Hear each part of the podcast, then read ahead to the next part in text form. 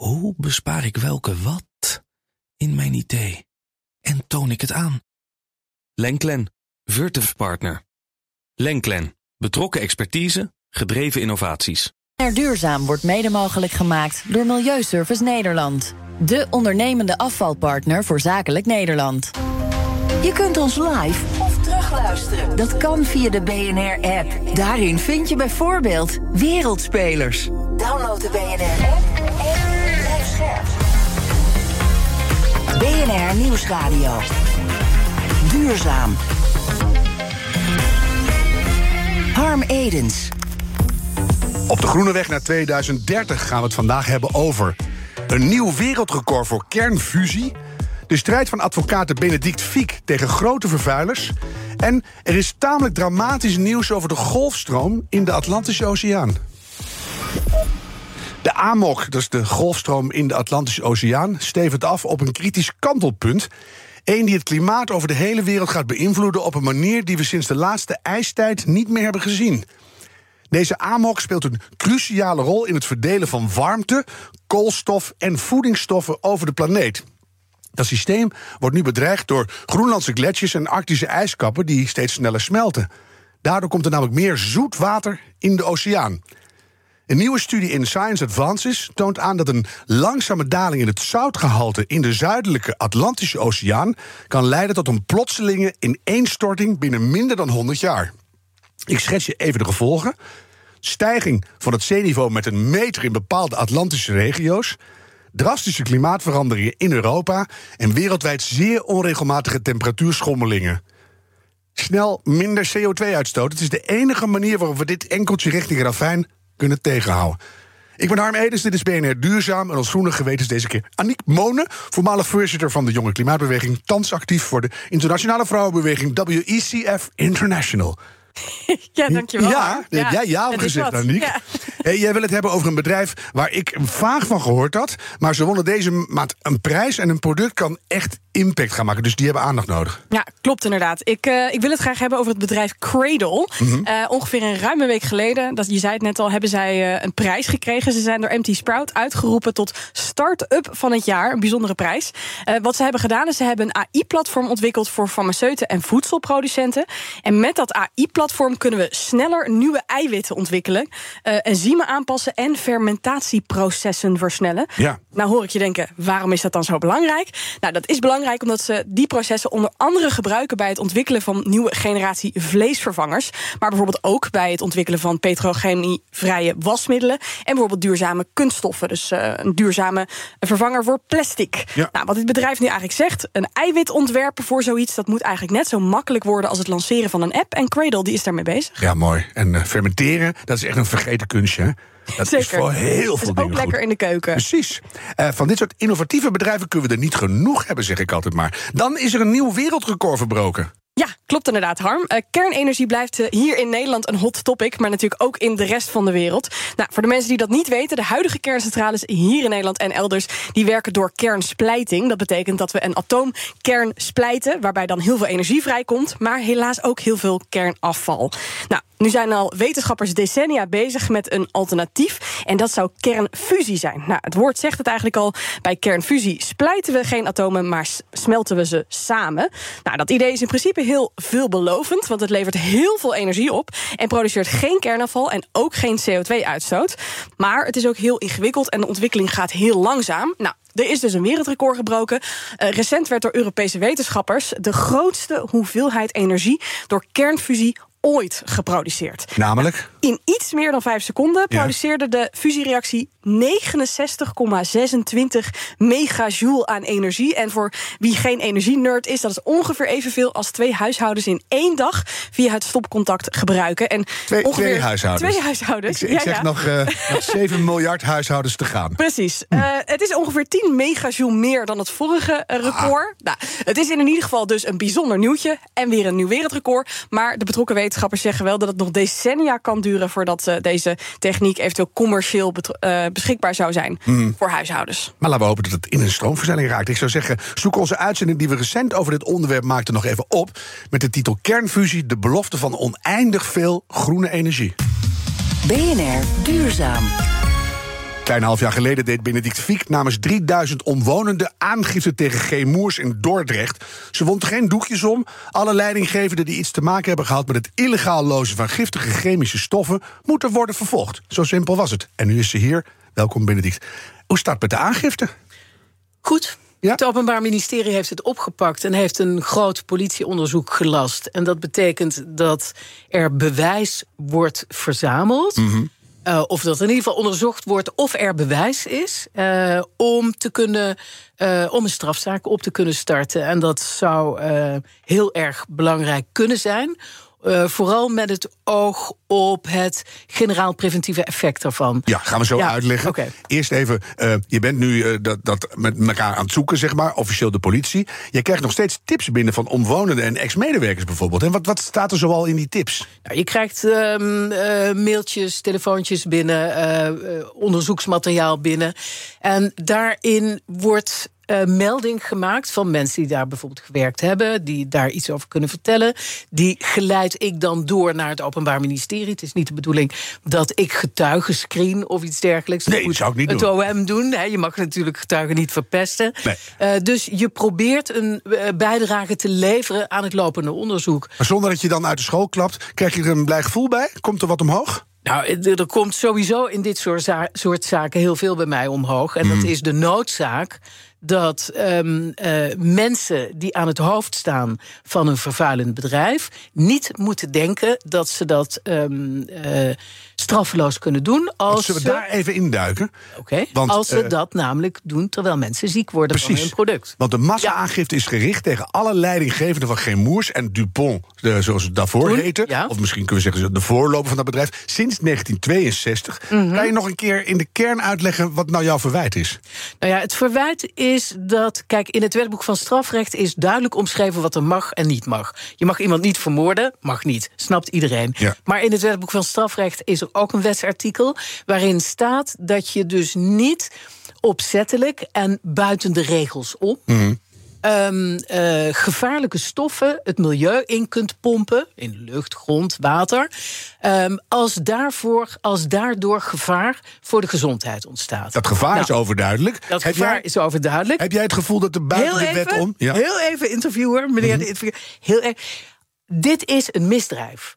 Ik heb aangifte gedaan van een misdrijf. Als de zaak tegen Moers of tegen Tata Steel zou leiden tot vervolging. En als de feitelijk leidinggevers uit het verleden en de huidige feitelijk leidinggevers vervolgd worden, dan staan zij terecht voor een zaak waar ze in principe jarenlange gevangenisstraf voor zouden kunnen krijgen. Ja. Niet omdat ik persoonlijk zo ontzettend graag wil dat zij achter die tralies iedere dag snikkend naar buiten kijken en dachten: kom, waarom ben ik niet op een borrel waar ik uh, hè, mijn, uh, mijn fijne zakjes kan vullen? Maar omdat het zo belangrijk is dat er gekeken wordt naar de ernst van het strafbare feit, waar een feitelijk leidinggever van een vervuilend bedrijf gewoon aan de knoppen zit Ja. om geld te allokeren voor duurzaamheid. Of niet? Mhm. Maar dan even naar IJmuiden. Heb je het gevoel dat daar schot in de zaak zit? Of is dat ook een enorm proces van vertragen en Nou. rekken en, en zeuren? Nou ja, ik denk dat de focus uh, op Tata Steel is enorm. Ik heb voor mijn gevoel is er bijna iedere twee weken wel een schokkende publicatie. Mhm. De reputatie van Tata Steel staat op het spel. Um, het is ook een zaak die internationaal de aandacht trekt. Zeker. He, het is ook belangrijk dat Tata Steel beseft dat het dus niet normaal is om geen voorzorgsmaatregelen te treffen om de vervuiling uh, te beperken. Mhm. Ja, en dit soort dingen tezamen uh, uh, heb ik het idee dat het wel een, uh, ja, een belangrijke manier is om de vervuiler aan te pakken. Ik ben namelijk een groot tegenstander van het adagium uit mijn oude tijd. Uh, en dat is de vervuiler betaalt. Kijk, geld is totally onint oninteressant Uiteindelijk niet, voor die bedrijven. Nee, want ja. ze berekenen het door, ze hebben enorme winsten. Ze lachen zich Nee, maar alsof dat de aflaat kapot. is die je eraan kan En het hangen. is, en het is ook niet voldoende om mensen te bewegen tot het treffen van maatregelen. Ik denk echt serieus dat de angst om de baaiers in te gaan, om de bak in te gaan. Zou wel eens een hele goede kunnen zijn, toch? Dat zou wel eens een hele goede kunnen ja, zijn. ik ben heel benieuwd. Ja, Ja. ik hoor graag zo meteen meer van die zaken. Maar ik vraag me eigenlijk nog wel eens om te beginnen af, Benedict. Eh, je hebt heel lang inderdaad criminelen bijgestaan in je werk. Daarna heb- ben je eigenlijk de- bijgestaan vind ik ook leuk. zo. Bijgestaan. Criminelen bijgestaan. Nou ja, eh, je, toen ben je achter de tabaksindustrie aangegaan. Ehm, wat was het bij jou eh, dat ja, jou deed inspireren om nu achter deze partijen aan te gaan? Om je in te zetten voor het milieu? kan ik heel goed uitleggen. En heel makkelijk uitleggen. En heel invoelbaar uitleggen. Alle mensen die ik heb bijgestaan in het verleden, de ordinaire, tussen aanhalingstekens, criminelen. ehm, dat vindt iedereen normaal. Iedereen vindt het normaal dat als iemand iemand vermoordt, dat hij wordt vervolgd en dat hij daar een gevangenisstraf voor krijgt als bewezen wordt dat hij het heeft gedaan. Ja. Vind ik ook normaal. Ik ben namelijk gewoon een normaal mens. Toen ik ingezet werd door een aantal mensen om te kijken of de tabaksindustrie strafrechtelijk verantwoordelijk zou kunnen worden gehouden voor het product dat zij op de markt brengen. Zij framen het als een genotsmiddel. Ja. Ja. Ondertussen weten ze dat er per week in Nederland gewoon onomstreden cijfers per week. Ja, geen idee. Hoeveel mensen per week gaan er dood aan tabak? In Nederland? In, in Nederland, hè? 140. Per week. 140. Jij? Eh, Oeh, per week eh 100. 100. 385. Wauw. Iedere week. Ah, maar die van gewoon. mij die, deed- die eh, gingen nog net over de rand van de week naar de volgende week. Ja, we kunnen erom lachen. Maar het is natuurlijk te bizar. Astronomische Het aantallen, is te bizar voor woorden dat alleen de doden Ja. gewoon al astronomische aantallen, hallucinante aantallen zijn. Ja. Ja. En dat doet de tabaksindustrie met droge ogen. Zon, gewoon puur gewetenloos. Ik heb verslagen gezien van, van vergaderingen van mensen die daar de, die toko's leiden. Nou, je krijgt er de rillingen van. Want ze zoeken altijd naar nieuwe afzetmarkten. markten. Ze weten ook dat hun product superdodelijk is. Ja. Die mensen die zijn strafrechtelijk altijd buiten beeld gebleven. Als je mij vraagt, wie vind je erger? Iemand die in een gemoedsopwelling... of iemand die zwak begaafd is... of iemand die een stoornis heeft en een moord pleegt...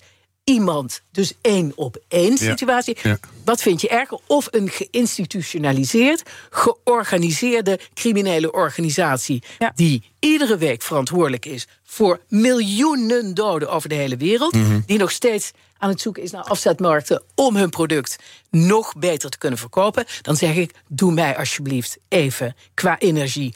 alle pijlen op tabaksindustrie, op de vervuilende industrie... op alle industrieën die gewetenloos Ja. doen wat ze doen. Want ze weten het allemaal. Maar als antwoord op de, op de vraag van Aniek... eh, eigenlijk Ja. lag het voor jou in het logische vervolg. Dus tabaksindustrie... Meer dan logisch. En Onrecht ook gevoelsmatig. De woede eigenlijk die ik voel... Ja. ten aanzien van de, ehm, ja, de mensen die in maatpak doen... alsof ze helemaal oké zijn. Is woede Terwijl het- daarin ook ja. voor jou een belangrijke drijfveer in bepalen welke zaken je wel en niet aangaat? Eh, ja, die woede die drijft mij wel, ja, absoluut. Ik vind die onverschilligheid Ja. en de vanzelfsprekendheid... die trek ik totaal. Want hoe oud ben jij nu, Benedict? 66. Ja, zie je, dat schiet Ja. ook al op. Dat Dus- is- nee, maar ik Ja, merk dat ook. Ik ben 62. Op een gegeven moment denk je, je wordt Ja. ouder en milder en wijzer. Nou, ik word echt niet milder. Ik word ook niet milder Nee, en ik- ongeduldig ja. en zagrijniger. Ja. En ik dat voorspelt wat. Kom op. Maar dan even Ja. terug naar, naar de, de, de harde feiten. Over Tata Steel en eh Grimoers. En heel veel rapporten verschenen. Iedereen weet nu hoe het zit. Ze worden aangeklaagd. Eh, hoop gedoe. Ondertussen, ze stoten gewoon net zoveel uit als wat ze deden. Waarom schiet dat niet Nou, beter dat op? is bij Gemoers niet zo. Nee, dat is, dat is waar. Hè, die, hebben, eh, die claimen wel dat ze behoorlijk minder eh, PFAS, PFOA... eh, Ja. Eh, de, de open ruimte in laten komen, zal ik maar zeggen. Maar Mhm. eh, Tata Steel, ja, die, die zeggen ook... ja, we doen, alles, eh, we doen alles met permissie van de overheid. Zou maar je die, kunnen zeggen Ja, maar die je- permissie van de overheid... daar zou ik best wel iets over willen zeggen. Nou, bij deze nu, want dat verlengde. Ja. Want kijk, je Ja. kan ook zeggen: zo hebben we die wereld nu eenmaal gemaakt. We hebben staal nodig, we hebben anti-aanmaklagen nodig en, en sokken waar Dat is water allemaal Dat hebben we met elkaar. Ja. Hebben we dat zo ge- geregeld? Kijk, de lobby, de lobby heeft natuurlijk ervoor gezorgd dat wij inderdaad denken dat wij dat allemaal nodig hebben. Bijvoorbeeld zonnepanelen. Nou, die kunnen gemaakt worden zonder eh PFAS. Zeker. Die kunnen PFAS-vrij worden. Er zijn allerlei producten waar wij gewend aan zijn. Het is maar de vraag of je een anti-aanbak pan nodig hebt. ik bedoel, waarom heb je dat nodig om te leven? Dat is natuurlijk totale flauwekul. Maar goed, stel dat je vindt dat je dat nodig hebt. Ook die kunnen zonder PFAS worden. Dat kan van alles zonder PFAS. Het is flauwekul. Het is een frame dat de wereld ingegooid wordt door natuurlijk de chemische industrie. Die zijn daar belanghebbenden in. Die willen natuurlijk grote winsten maken. Dus uiteindelijk dat je ze aanklaagt voor hun vervuilende gedrag, is het ook een soort uh, appel van jongens, wat voor wereld hebben we nou gemaakt? Laten we dat eens gewoon normaal. Tuurlijk, we zijn natuurlijk allemaal ook verantwoordelijk. Hoe bespaar ik welke wat in mijn idee? En toon ik het aan? Lenklen, Virtuf Partner. Lenklen, betrokken expertise, gedreven innovaties. De financiële markten zijn veranderd, maar de toekomst, die staat vast. We zijn in transitie naar een klimaatneutrale economie.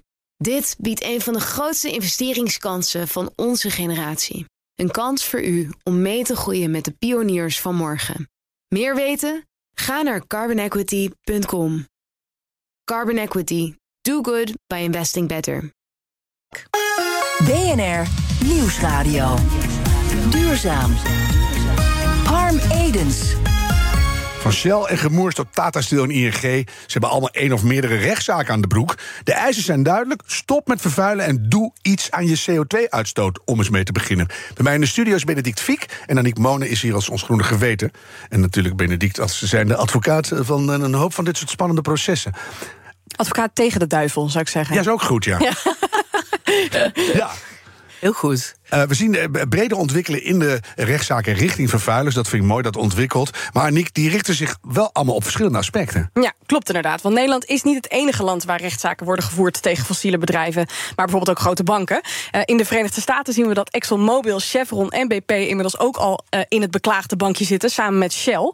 En die mhm. aanklachten die kunnen we ongeveer in grofweg drie groepen verdelen. De allereerste groep is aansprakelijkheid voor klimaatverandering. Waarbij we eigenlijk zeggen: um, je bent aansprakelijk voor het feit dat er uh, CO2-uitstoot is uitgestoten. En dus de klimaatverandering die we hier nu zien gebeuren, daar ben jij dus uh, deels schuldig aan. Denk bijvoorbeeld aan uh, wanneer er extreme weersomstandigheden voorkomen of stijgende zeespiegels. Nou, die aansprakelijkheid is dus één. Nummer twee is misrepresentatie en misleiding, waar rechtszaken zich richten op de beschuldiging van fossiele bedrijven die willens en wetens onjuiste, onjuiste informatie hebben verspreid over mhm. de impact van bijvoorbeeld producten of hun diensten. Ja. Nou, uh, en dan nummer drie hebben we eigenlijk de schending van het milieurecht en milieureguleringen.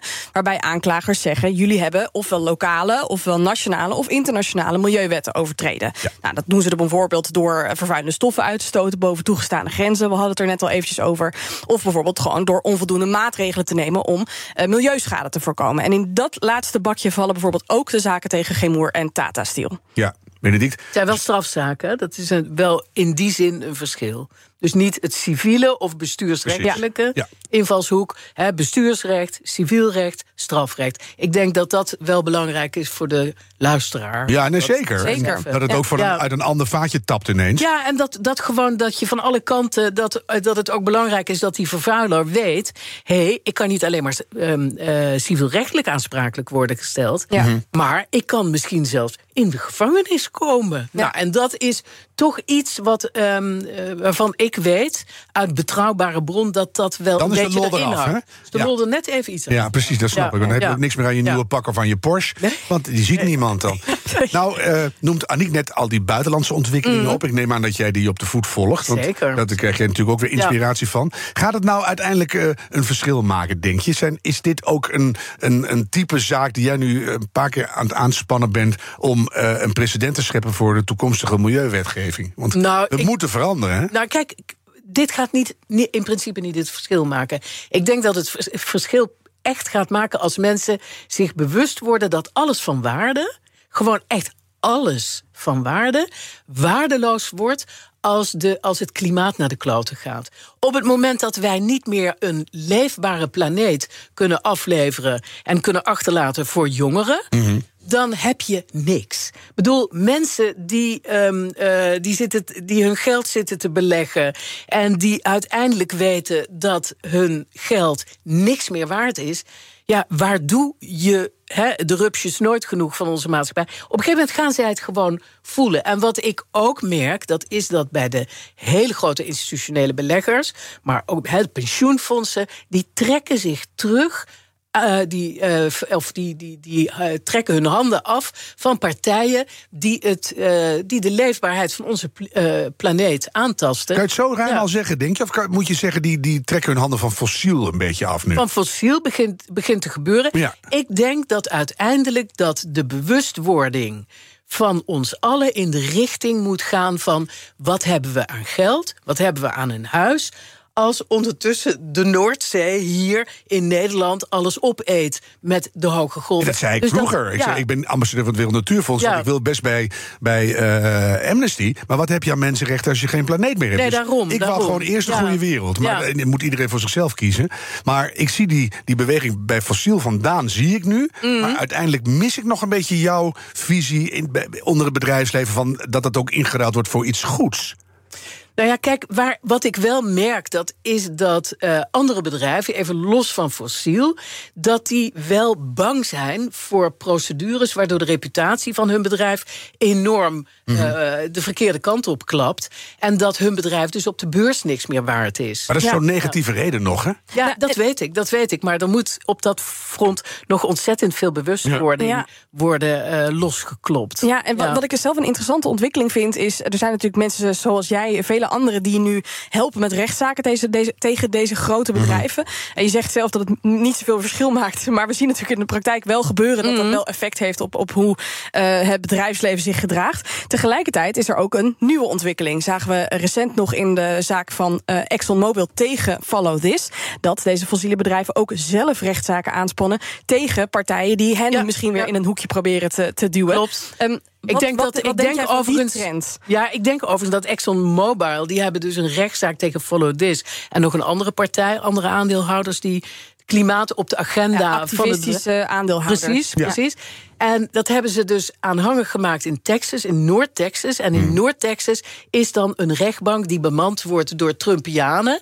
En dat is gewoon de bedoeling om dan Follow This bijvoorbeeld eh monddood te maken. Ik denk zelf dat deze actie misschien wel in hun bek explodeert. Ja. Dat sluit ik niet uit. Ja. Dat ook aandeelhouders zeggen van sorry, maar als jullie dit op deze manier bij deze rechtbank op deze wijze ehm, eh, de, de, het klimaat gewoon willen doodzwijgen, ja, dan gaan we bij jullie weg. Dan trekken wij ons geld bij jullie vandaan. Zelfs dat En is aan het veranderen. Dat is ook aan het veranderen. Je ziet ook wel dat hè, de maliciositeit van bedrijven die. Ja, die gewoon zo onverschillig staan tegenover eh, de leefbaarheid van deze planeet. Ja, dat die wel afgestraft wordt. Dat kan niet meer, toch Ja, ook? nee, de kan rek is er meer Ja. dan totaal uit. Ik ga je enorm bedanken voor je komst en voor je eh, enorm aanhoudende strijd. En hou dat vol, Benedict Fiek. Dank je wel. En natuurlijk ook Aniek, jij. Als groen geweten, dank je wel. Nog even dit. Voor Midden- en Noord-Nederland is het krokusvakantie. En veel mensen grijpen dit weekje aan voor de wintersport.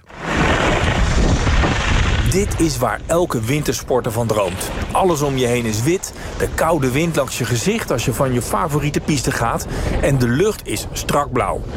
Maar dit gaan we steeds minder vaak zien.